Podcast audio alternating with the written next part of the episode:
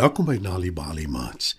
Vanaand se storie Tommy bewys homself is geskryf deur Leo Daily. Skryf dit nader en spits julle oortjies.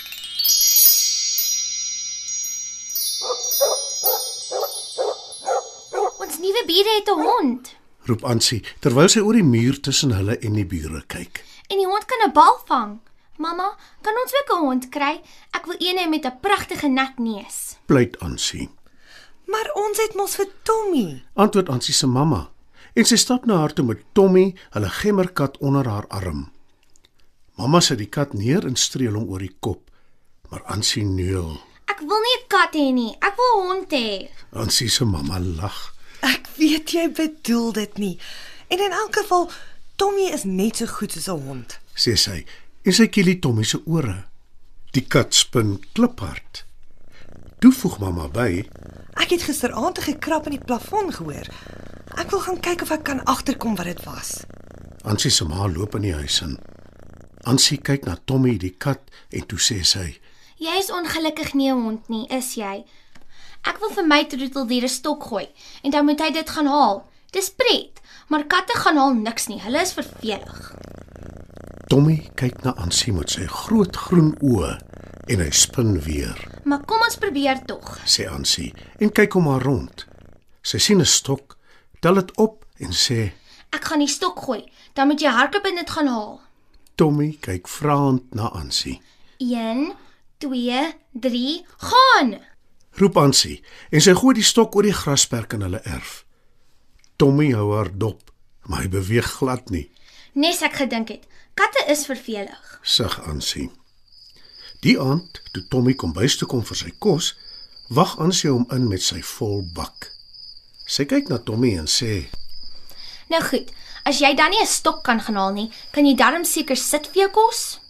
Weer kyk Tommy na haar met sy groot groen oë.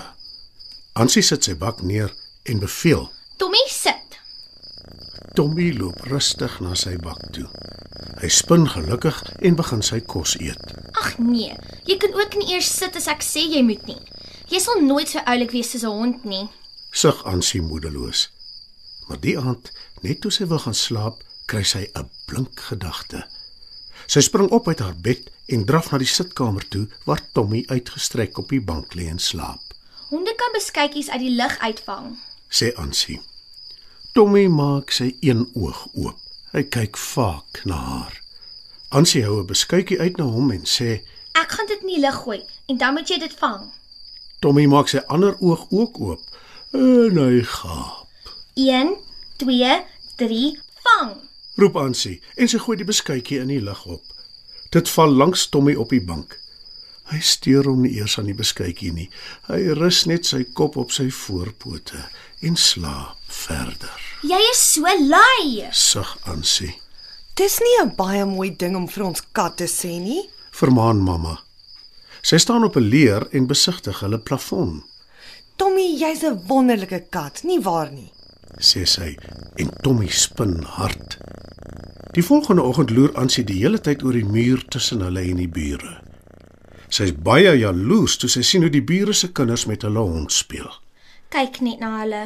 sê Ansie vir Tommy wat onder 'n struik in die koelte lê en slaap.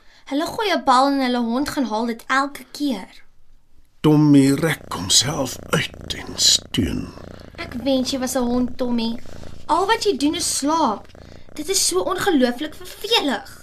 Nadat Ansie die aand gebad het en sy besig is om haarself af te droog met 'n handdoek, voel sy 'n sagte pels teen haar been skuur, Nie nou nie, Tommy. sê Ansie. Maar toe sy afkyk, gril sy haar byna mors dood, want dis nie Tommy nie, dis 'n groot grys rot. Nee, sis. roep Ansie en sy spring terug in die bad. Die rot maak piepgeluide en hardloop op en af in die badkamer. Ansie kyk bang toe en sy sien die dier se skerp tande. Help, die rot gaan my byt. Roep Ansie bang. En net toe loer Tommy om die hoek om te sien waaroor die remoer gaan. Hy sien Ansie in die bad en die rot wat op die vloer rondhardloop. Nou rek Tommy se groot groen oë wyd oop en in 'n oogwink bespring hy die rot. Ansie hoor die rot en die kat raas en toe sien sy Tommy verdwyn om 'n hoek en af in die gang. Sy draai vinnig haar handdoek styf om haar lyf en volg die kat. Sy wil seker maak die rot is weg, Wat gaan aan? vra Ansie se ma. Tommy het 'n nare groot grys rot uit die huis uitgejaag Sê Ansie en sy glimlag. En hy het dit so vinnig gedoen. Dis ongelooflik. Voeg sy by. Ansie trek haar pyjamas aan en toe gaan sy saam met haar mamma buite toe om Tommy te soek. Tommy! Roep hulle. Maar daar is geen teken van die kat nie. 'n Hele ruk later, toe Ansie in haar bed klim, kom 'n baie moe, maar gelukkige Tommy by haar kamer ingeloop. Hy spring op haar bed en vryf sy lyf teen haar. Jy's nie 'n goeie hond nie, Sê Ansie.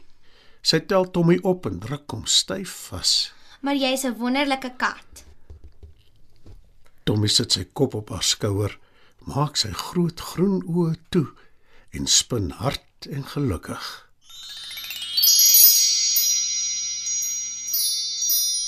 Mats, dit was nog 'n aanbieding van Nali Bali Storytyd. Die titel van vanaand se storie was Tommy bewys homself en dis geskryf deur Leo Daily. Het jy geweet dat om tuis vir kinders stories voor te lees en te vertel, hulle kan help om beter te doen op skool? As jy gratis stories wil hê om vir jou kinders voor te lees of stories wat jou kinders self kan lees, besoek die Nali Bali webwerf www.nalibali.org of die Mobi werf www.nalibali.mobi. Daar sal jy stories kry in 11 amptelike tale, asook wenke hoe om stories vir kinders voor te lees en met hulle te deel sodat hulle hulle volle potensiaal kan bereik.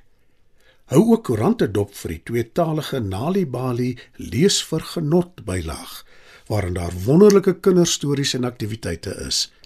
Nali Bali. Dit begin met 'n storie. Iemand het 'n lap op op 'n ashoop weggegooi. Sy was gedaan en stukkend, verbleek en nie meer mooi nie. Op die ashoop hoor sy stemme praat en die verwelkom haar. Maar o, ellende. Toe sy kyk, wat sien die